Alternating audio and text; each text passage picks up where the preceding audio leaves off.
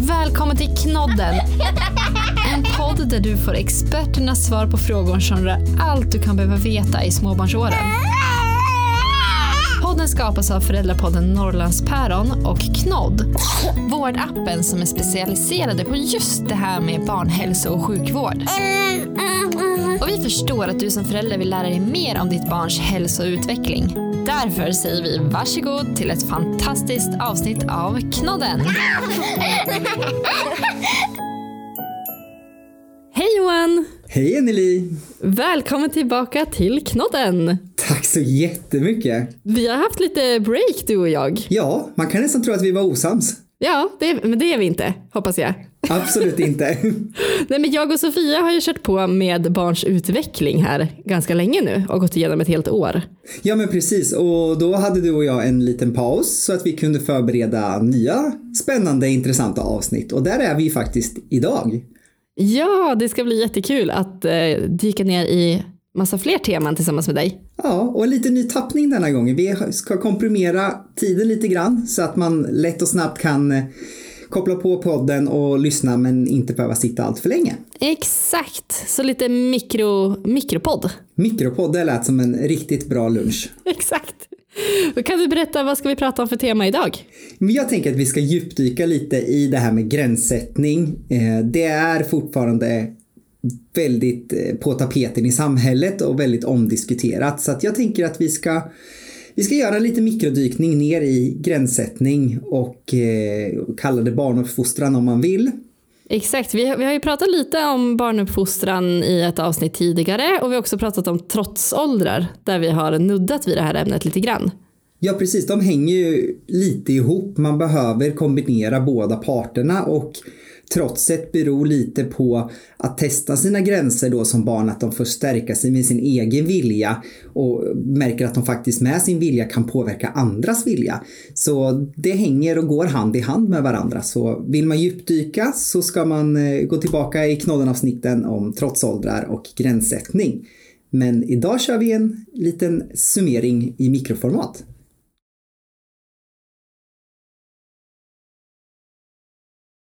Vad skulle du säga är eh, grundbulten i att få gränssättning att fungera för barn? Det är att vara överens i vårdnadshavarna emellan och ha någon form av samsyn på det här. För barn är väldigt snabba på att liksom hitta den svaga länken och spela ut på den. Så, så är man samspelta och konsekventa men med viss töjningsförmåga mellan den här konsekventheten så blir barnen trygga och då blir det lättare för alla parter att förhålla sig till de här gränserna. Mm. Har du något förslag på hur man kan ta fram gränserna tillsammans? Alltså vad, vad bör man prata igenom för situationer? Det bästa är att börja basic, liksom om vi ser till det spädbarnet. För spädbarn de, de styr ju hela familjens liv i början. De säger till när de är hungriga, när de vill ha en torr blöja, när de vill sova. Och vi kan inte påverka det så mycket utan det är bara att följa, följa strömmen. Men ju äldre barnet blir så kan vi ju faktiskt ha en, en dialog tillsammans med barnet i form av kroppsspråk och sådana saker att hjälpas åt. Och där kan man ju till exempel börja diskutera nappen om ett barn använder napp till exempel. Hur, för, hur liksom, när får barnet använda nappen och när har barnet behov av att använda nappen?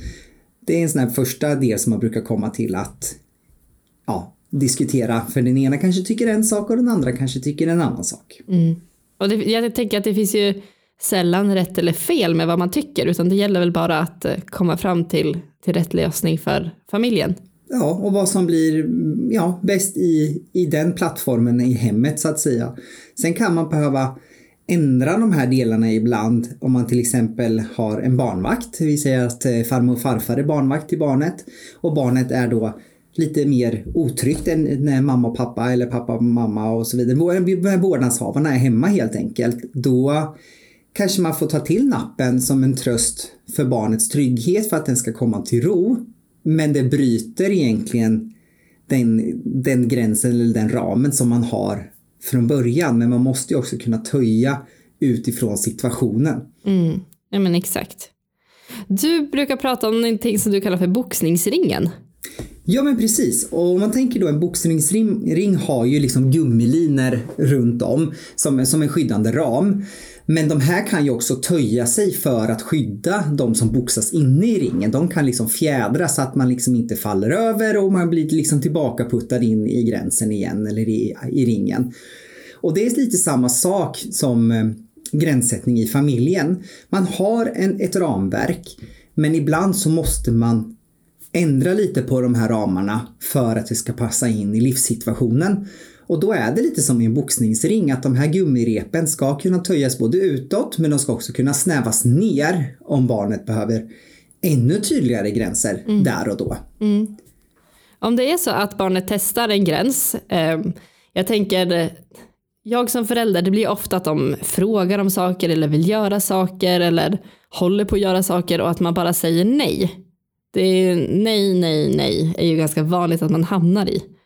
Vad, vad ska man tänka på om, om man är i den diskussionen, eller diskussionen, men om man är i den situationen med ett barn? Att nu måste jag visa vart gränsen går. Vad ska jag som förälder göra? Jag tänker att en bra början där då det är att precis som man gör på BVC och de samtalen man har om att barnsäkra hemmet och barnsäkra hemmet gör man ju i olika etapper i den kronologiska ordningen som de här farorna börjar bli för barnet in i hemmet. Att ett spädbarn ska inte ligga ensamt på skötbordet. Det är en sån här sak. Men sen när det börjar röra på sig då ska de inte komma åt knivar i lådor och så vidare och så vidare. Eh, och då är det viktigt att man liksom om man kan ta bort de här sakerna som är nej redan innan de uppkommer. Att man sätter för pluggar i eluttagen, att man sätter upp en grind i trappen och att man barnsäkrar hemmet. För därav är det ju många gånger vi säger nej för att skydda barnet. Så barnsäkra hemmet kommer att underlätta alla de här nej, nej, nej, nej, nej. Och när man då väl måste säga nej, lägg nej med en väldigt, väldigt konkret och kort förklaring varför. Nej, klättra inte på stolen för då kan du slå dig. Då får barnet en kontext också till varför vårdnadshavaren säger nej. Mm. Så man inte stannar efter klättra inte på stolen? Ja, för det är liksom så här, jaha, okej, okay, vad händer då liksom? För de har ju inte det mogna tänket att de kan visualisera. Klättra på stolen, lika med fall, slår i huvudet, gör ont, det blir problem liksom. Utan det stannar lite där, klättrat på stolen, det är kul. Exakt, allt det där vi vuxna ser i våra hjärnor hela tiden känns det som. Ja, varpå att det blir många nej. Ja. Men, och hur är det med gränssättning? Är det någonting som behövs? Eller, för ibland så kan man ju känna sig som en ganska tråkig förälder också när man ska sätta gränser och det har ju varit väldigt mycket på tapeten nu att ja, men att, att låta barnen vara med på något vis och sätta gränser. Och, ja, men hur, hur ska den balansen se ut egentligen för barnets skull? Men alla barn och vuxna behöver gränser. Man, jag brukar tänka att man har två arenor eller plattformar. Vi har den som är hemma som kan vara lite mer flexibel i hur gränserna ser ut men de måste ändå vara konsekventa för annars blir barnet osäkert. Sen har vi faktiskt de där hårda gränserna som vi kan kalla också lagar ute i samhället som vi faktiskt måste följa för annars så liksom funkar inte samhället. Vi kan inte köra i motsatt riktning i trafiken. Vi får inte gå mot röd gubbe på övergångsstället för då blir det en fara för oss eller för andra. Eh, och så vidare. Så att gränser behöver vi. Och vissa är stenhårda och vissa kan vara lite mer flexibla. Men, men gränser, det, det, behöver vi alla för att vi ska ha ett fungerande samhälle och fungera som goda medborgare. Mm, men precis. Om det är så att jag sätter eh, en gräns, eh, säger eh, nej och förklarar sådär pedagogiskt som du gjorde Johan, och barnet på något sätt reagerar, att det blir rädd eller ledsen eller arg, hur ska jag hantera barnet då? Om vi då tänker att vi, vi börjar det första att barnet blir ledsen. Det, det, kan ju vara en form av ångest. De visste att de gjorde fel men de gjorde det ändå. Och så fick man en tillsägelse och då vart man liksom ledsen och ångestfylld. Eller så som du säger att man säger nej så kraftigt så att barnet ser att oj, nu blev vårdnadshavaren rädd. Och då liksom blir barnet rädd för barnen lär sig någonting som heter spegling, att man, man speglar den känslan som den andra parten ger. Och då kan den också bli rädd och då får man ju trösta och förklara en gång till varför man reagerade på det sättet och kanske be om ursäkt om, om, för att man skrämde barnet men gränsen gäller fortfarande. Har vi ett barn som då, om vi säger att vi trotsar emot det här att nej, jag klättrar ännu högre upp på stegen eller så vidare. Och då kan man ju bli jättefrustrerad som vuxen. Men det är viktigt att försöka tänka att jag är vuxen och barnet är barn. Jag är smartare än barnet, så ta två djupa andetag. Försök att avleda det här att klättra barnet högre upp på, på stegen. Du har sagt nej och det har egentligen gått fram. Du märker att barnet gör det här fast den vet om att den inte borde. Avled. Ja men du, ska vi inte gå och kolla i garaget på pappas motorcykel? Eh, hitta en annan väg så att det inte blir en diskussion. Men du avleder fokuset och barnet kommer ner från faran. Och sen i ett lugnare skede så får man ta och diskutera det här att Nej men det här, du får inte vara på stegen för att du kan bryta armen om du ramlar ner till exempel. Att man liksom lägger på en, en kort förklaring. Men avledning är bra när det kommer till, till arga utbrott. Hitta en väg runt problemet. Mm. För där kan jag ju känna, jag har, jag har en dotter som gillar att hitta på bus. hon vet exakt vart gränserna går men hon, hon gör ändå saker ibland. Och när hon gör det så går hon och gömmer sig. Eh, så att så fort hon är borta så vet vi att nu, nu är det något som har hänt. Eh, och det har varit allt ifrån att hon har klippt sin egen lugg till att ha ritat på väggarna. Ja, högt och lågt. Hur ska jag som vuxen närma mig mitt barn när den vet att den har gjort fel och det kanske inte är en farlig situation utan mer en åh det här varit jättejobbigt för nu måste jag måla om hela vardagsrummet situation. Då skulle jag säga att som jag har sagt i flera andra poddavsnitt ta ett varv, andas ut så att du inte gör någonting i affekt för det kommer inte bli bättre i den här situationen. Barnet vet redan om att den skäms. Så där finns det ju två vägar att gå. Antingen så ignorerar man det skadan är skedd, barnet vet att den gjorde fel, det leder inte till någonting annat. Liksom. Det, det, då kan man köra ignoreringsprincipen för att inte späda på det här mer.